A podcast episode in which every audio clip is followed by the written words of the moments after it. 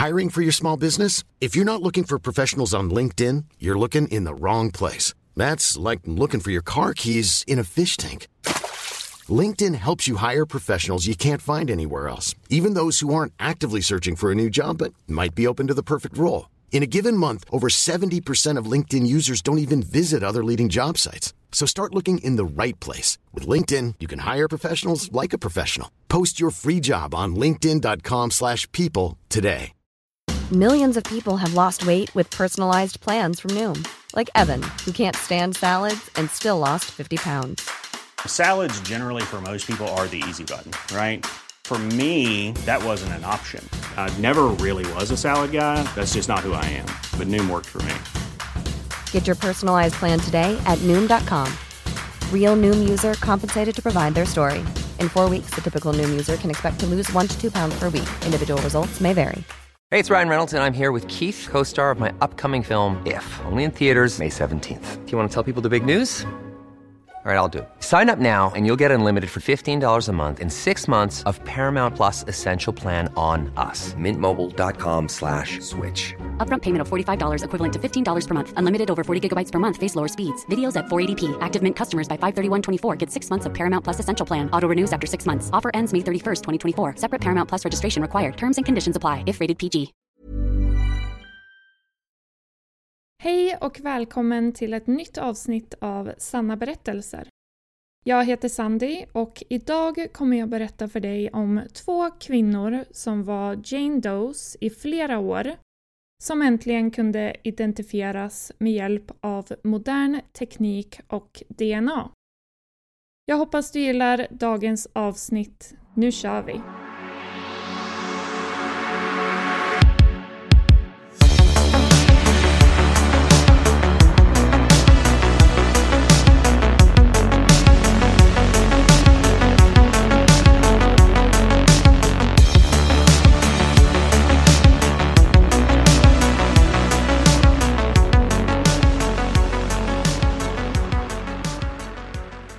Den 14 februari 1982 var en sheriff från Arizona Department of Public Safety i närheten av landsväg 40 och letade efter ett däck från en bilolycka. Istället hittade han, mellan Ash Fork och Williams, Arizona, en död ung kvinna liggande med ansiktet nedåt under ett cd-träd cirka sju meter från landsvägen.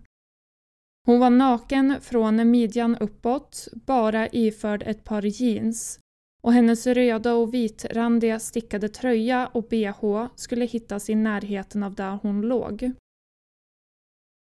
Det verkade som om hon hade blivit dragen till den plats där hon hittades, då angriparen hade dragit i bältesöglorna på jeansen. Hon hade blont hår, blå ögon, vägde cirka 54 kilo och var cirka 162 centimeter lång.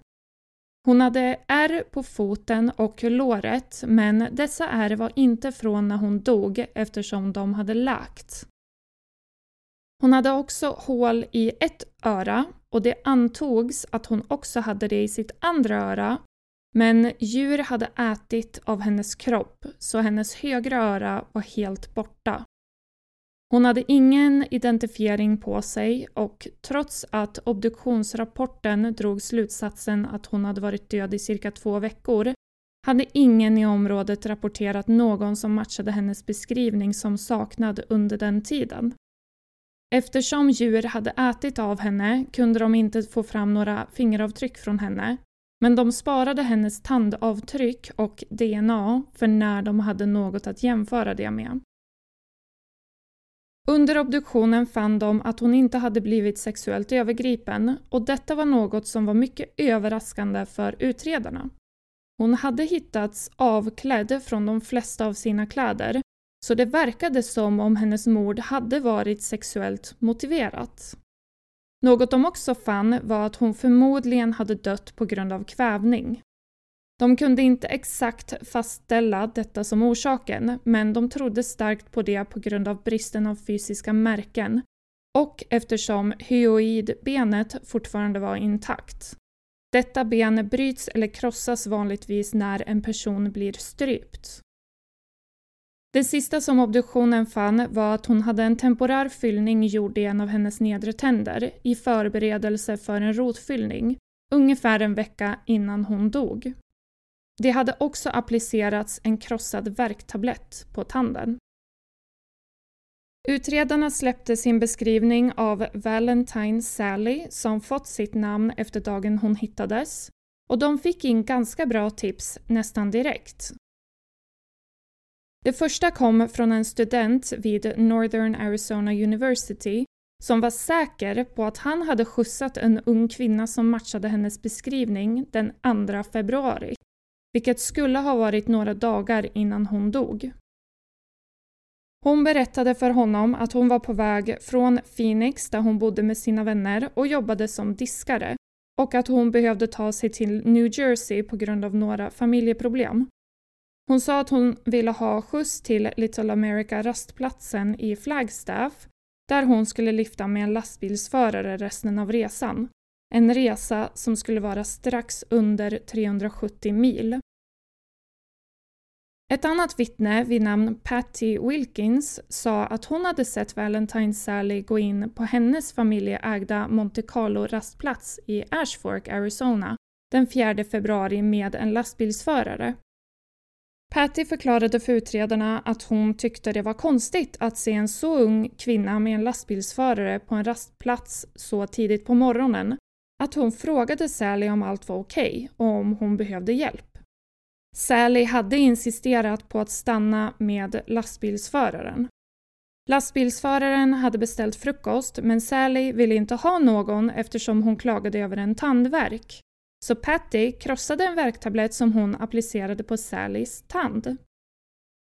Bara för att vara extra säker på att det verkligen var Valentine Sally som hade varit på rastplatsen visade utredarna Patty bilder på kläderna de hade hittat bredvid Sallys kropp. Och hon bekräftade att det var de kläder den unga tjejen med lastbilsföraren hade haft på sig. Eftersom pulvret från värktabletten fortfarande var på hennes tand och eftersom hennes kropp hittades mycket nära Monte Carlo-rastplatsen dog troligen Valentine Sally den dagen.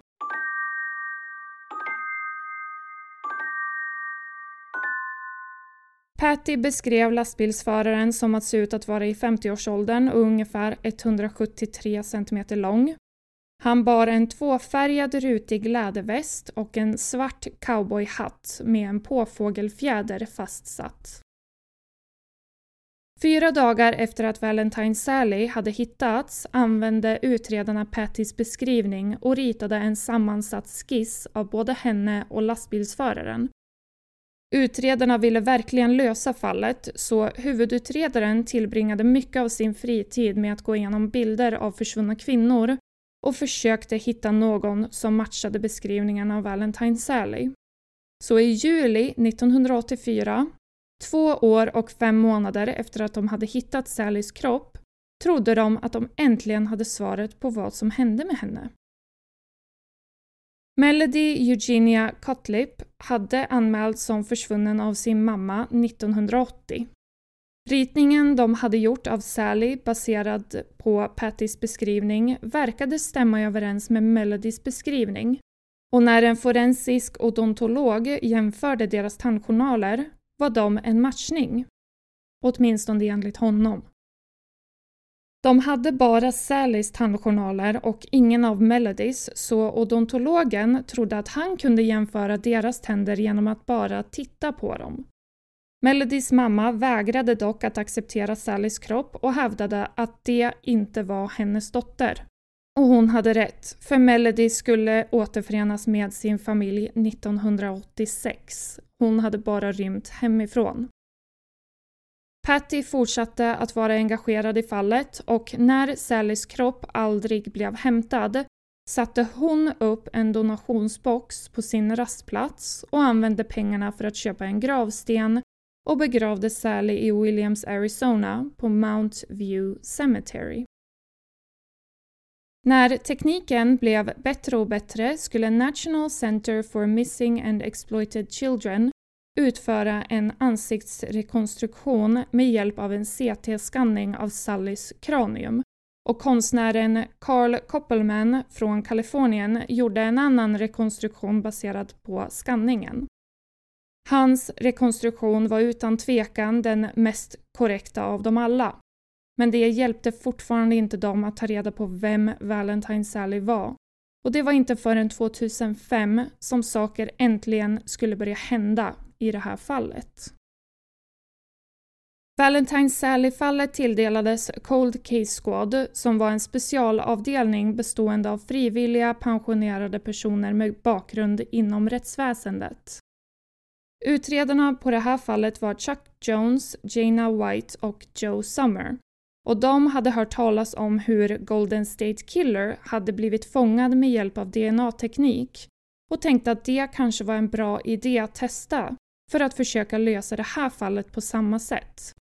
Så de kontaktade Barbara Ray Venter, som faktiskt var släktforskaren som identifierade Golden State Killer. Och hon hjälpte dem i sin tur att lösa Valentine Sally-fallet med samma metod som de hade gjort i Golden State Killer-fallet. De skickade in Sallys DNA till DNA-databaser där de använde allmänhetens egna DNA-insändningar för att skapa släktträd. Ancestry är ett exempel på en sådan webbplats. De hittade en matchning i databasen som utredarna bedömde vara en kusin. Så den 22 februari 2021 meddelade Coconino County Sheriff's Office att de hade identifierat Valentine Sally som 17-åriga Carolyn Celeste Eaton från Bellefontaine Neighbors i Missouri. Carolyns familj hade kommit hem en dag runt julen 1981 och kommit på henne med två män som familjen inte kände igen. Och efter ett stort bråk mellan Carolyn och hennes familjemedlemmar gick hon ut genom dörren och sågs eller hördes aldrig från igen. Carolines fall är fortfarande öppet och utredare undersöker fortfarande alla ledtrådar de får angående fallet. Dock har listan över misstänkta varit mycket kort.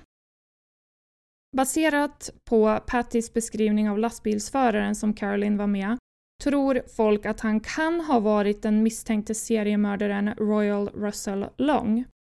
Han var en lastbilsförare som greps 1985 för kidnappningen av 12-åriga Susan Baldeagle och hennes väninna 1984. På grund av detta fick han ett livstidsstraff och dog i fängelse 1993 utan att någonsin erkänna att han hade dödat Caroline. Människor trodde att det kanske var han eftersom han tros ha rest igenom landsväg 40 och bar en fjäderhatt, precis som Carolines lastbilsförare hade gjort. En annan teori är att personen som dödade Caroline kände henne Patty sa att hon inte trodde att lastbilsföraren hon hade sett med Caroline hade dödat henne eftersom de verkade bekväma med varandra och nästan som om de kände varandra. Dessutom tyckte Patty att han verkade så vänlig. Jag tror att det finns en stor chans att lastbilsföraren faktiskt dödade henne. Särskilt eftersom det verkar som om hon dog bara några timmar efter att de hade stannat vid Monte Carlo-rastplatsen och om han inte dödade henne, varför kom han aldrig fram med någon information? Något med Carolines familj verkar också lite konstigt. Tydligen så brukade Caroline rymma hemifrån ibland. Men grannar sa att familjen alltid var mycket oroliga för henne, förutom den här gången.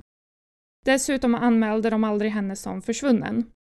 Jag kan förstå att man väntar en vecka eller två, särskilt om det är någon som tenderar att sticka iväg, men att aldrig anmäla det verkar konstigt för mig. Vem som än dödade henne kommer vi kanske aldrig att veta, men åtminstone blev hon identifierad och åtminstone brydde sig Patty och utredarna så mycket om henne att de kunde ge henne ro och ge henne tillbaka sitt namn. Patty sa till utredarna citat.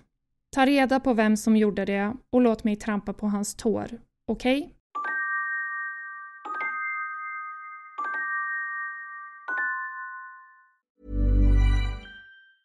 Hey, I'm Ryan Reynolds. Recently, I asked Mint Mobile's legal team if big wireless companies are allowed to raise prices due to inflation. They said yes. And then when I asked if raising prices technically violates those onerous two year contracts, they said, What the f are you talking about, you insane Hollywood ass?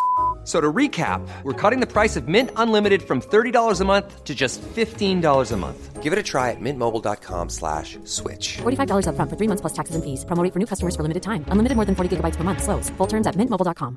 If you thought the only way to get a more defined jawline with natural looking results was through surgery, think again. Juvederm Volux XC is a non surgical injectable gel filler that improves moderate to severe loss of jawline definition and can help you achieve natural looking results with little downtime. Even better, this improved definition lasts up to one year with optimal treatment. No maintenance required. Improve jawline definition for a smooth, sculpted look with Juvederm Volux XC. For important safety information and to find a licensed specialist, visit juvederm.com. That's J U V E D E R M.com. Not for people with severe allergic reactions, allergies to lidocaine, or the proteins used in Juvederm. Common side effects include injection site redness, swelling, pain, tenderness, firmness, lumps, bumps, bruising, discoloration, or itching. There's a risk of unintentional injection into a blood vessel, which can cause vision abnormalities, blindness, stroke, temporary scabs, or scarring. Talk to a licensed specialist to find out if it's right for you.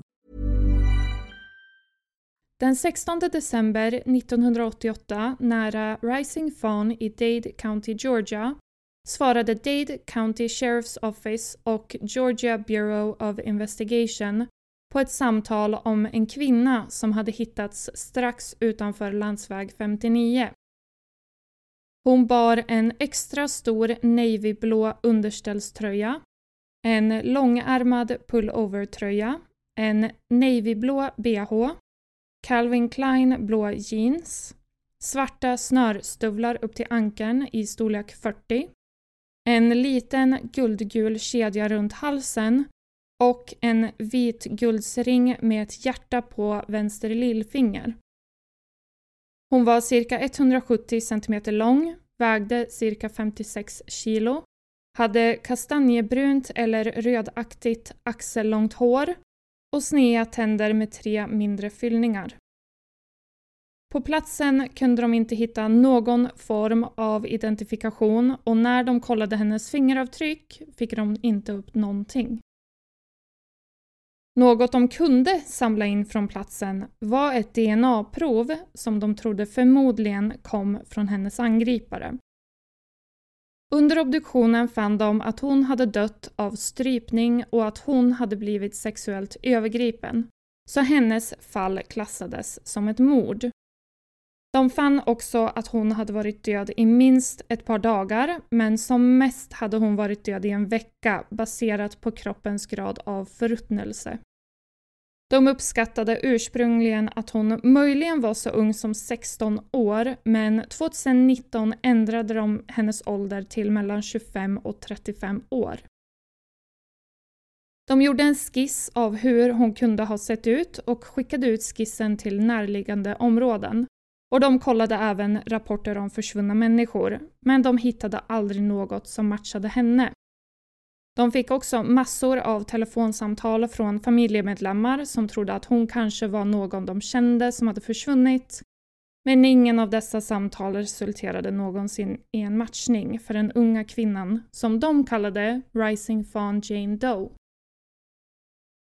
Genom åren skulle de rita fler skisser av henne och en konstnär vid Georgia Bureau of Investigation skapade till och med en lerbyst. Men det resulterade inte heller i någonting.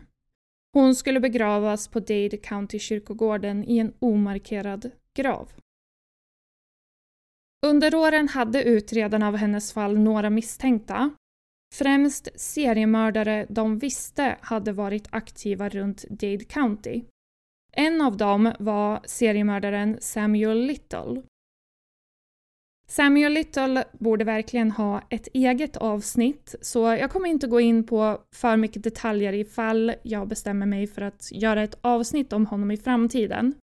Men kort sagt hade Samuel Little erkänt att han hade mördat Patricia Parker i Hooker, Georgia, som är ett litet samhälle i Dade County.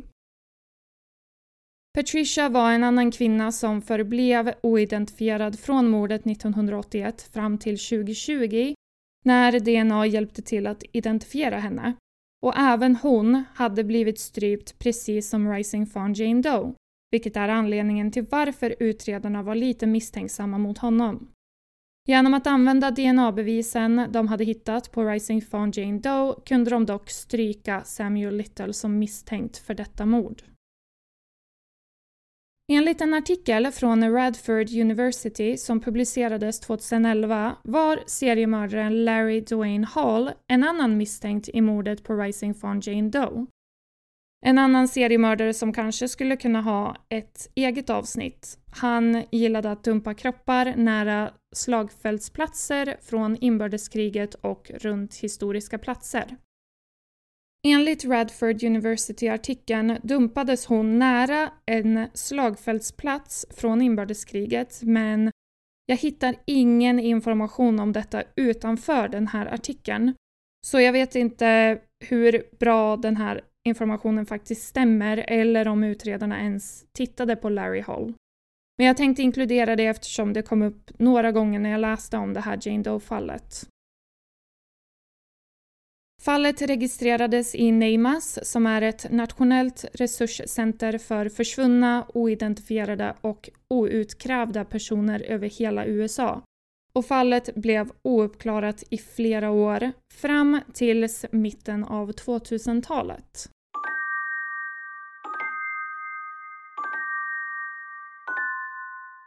Fallet tilldelades igen och utredarna på fallet hittade nya bevis.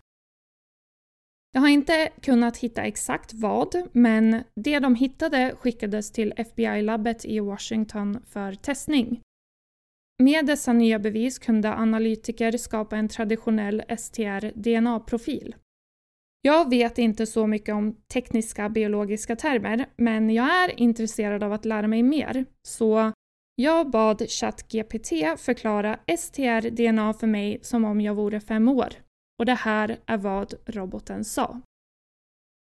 Tänk dig att din kropp är som en stor brukshandsvisning som berättar hur den ska vara du. Djupt inne i den här bruksanvisningen finns en liten avdelning som kallas DNA. Det är som en speciell kod som gör dig unik och olik från alla andra. I denna DNA-kod finns något som kallas STR, vilket är som små upprepande mönster. Det är lite som att ha en favorit-legokloss som du använder om och om igen för att bygga något coolt.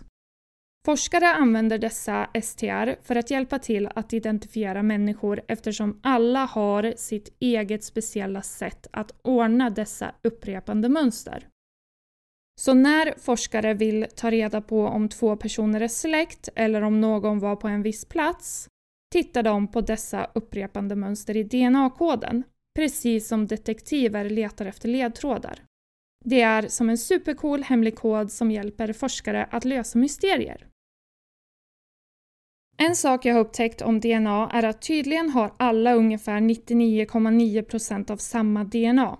Så om jag förstår ChatGPT rätt används STR för att specifikt se om en person är släkt med en annan person. Så när analytikerna hade utvecklat STR-DNA-profilen matade de in profilen i databasen för DNA från försvunna personer. Sen blev fallet kallt igen fram till 2015.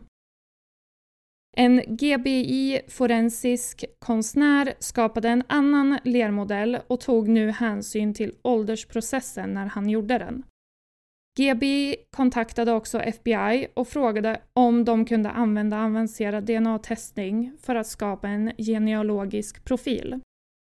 FBI skickade allt bevis de hade till Othram, ett företag som specialiserar sig på genealogi, för att hjälpa till att lösa gamla fall där de skapade en komplett genealogisk profil. Och med detta hittade de en match. Den 24 mars 2022 publicerade FBI Atlanta ett inlägg på sin Twitter där det stod citat. Kommer du ihåg Rising Fawn Jane Doe? Efter 33 år har vi äntligen identifierat henne som Stacy Lynn Chahorski från Norton Shores, Michigan. Nu gäller det att hitta hennes mördare. 19-åriga Stacy hade anmälts försvunnen i januari 1989, vilket var ungefär en månad efter att hon hade hittats. Och sista gången någon hade pratat med henne var den 15 september 1988. Trots mammans varningar så hade hon liftat genom Amerika. Så hon hade pratat med sin mamma och sagt att hon skulle lifta från North Carolina, där hon hade varit vid den tiden, till sin hemstad Michigan. När hon inte kom hem anmälde mamman henne som försvunnen. När familjen fick reda på att hon hade identifierats grävde de upp Stacys kvarlevor och begravde henne i Michigan och FBI gav mamman smyckena hon hade på sig när hon dog. Men vem mördade henne? FBI hade DNA från brottsplatsen, som med samma teknik de hade använt för att identifiera Stacy hittade de hennes mördare september 2022. Hans namn var Henry Frederick Wise, även känd som Hoss Wise. Vid tiden för Stacys mord var han 34 år gammal och arbetade som lastbilschaufför under 80-talet och stuntbilsförare under 90-talet. Han körde regelbundet genom området där Stacy hade hittats och han hade en kriminell historia med brott som stöld och misshandel. När han begick dessa brott gjordes det inte några obligatoriska DNA-insamlingar för små brott, vilket är anledningen till att Wises DNA inte fanns i några databaser. Vid den tidpunkten då utredarna lyckades koppla Wise till mordet på Stacy var han tyvärr redan död. Han dog 1999 under en av sina stuntbilsuppvisningar där han hade blivit allvarligt bränd och avled av sina skador på sjukhuset 13 dagar senare. Detta är det första fallet där släktforskning hjälpte till att identifiera både offret och mördaren, men förhoppningsvis inte det sista. FBIs specialagent som ledde fallet, Kerry Farley, sa följande. Låt detta vara en varning till varje mördare, våldtäktsman och våldsverkare därute. FBI och våra partners kommer inte att ge upp. Det kan ta år eller till och med årtionden, men vi är beslutsamma och vi kommer ständigt att söka rättvisa för offer och deras familjer.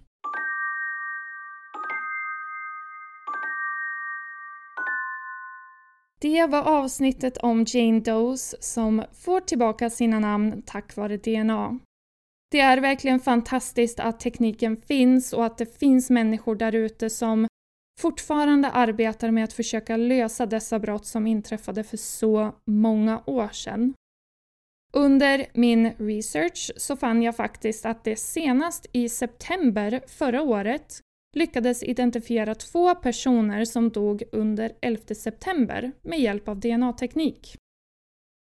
Det kan låta som om det är en process som tar för lång tid men personligen tycker jag att det är bättre än att bara lämna offren att vara glömda och namnlösa. Jag har också sett några artiklar som ifrågasätter etiken i att utredare kan använda webbplatser som Ancestry men men ärligt talat ser jag inte riktigt varför någon annan än en brottsling eller mördare skulle ha något problem med det. Om jag kunde hjälpa till att lösa och avsluta ett fall bara för att jag var intresserad av att lära mig mer om mitt släktträd så skulle jag vara överlycklig, ärligt talat. Jag antar att människor är rädda för att regeringen ska använda deras DNA eller något sånt, men ärligt talat tror jag inte att de egentligen är särskilt intresserade av vårt DNA. Jag skulle nog ärligt talat vara ganska smickrad om de ville använda mitt DNA till något, men det är jag. Hur som helst, jag hoppas att du gillade avsnittet. Tack så mycket för att du lyssnade och så ses vi i nästa. Hej då!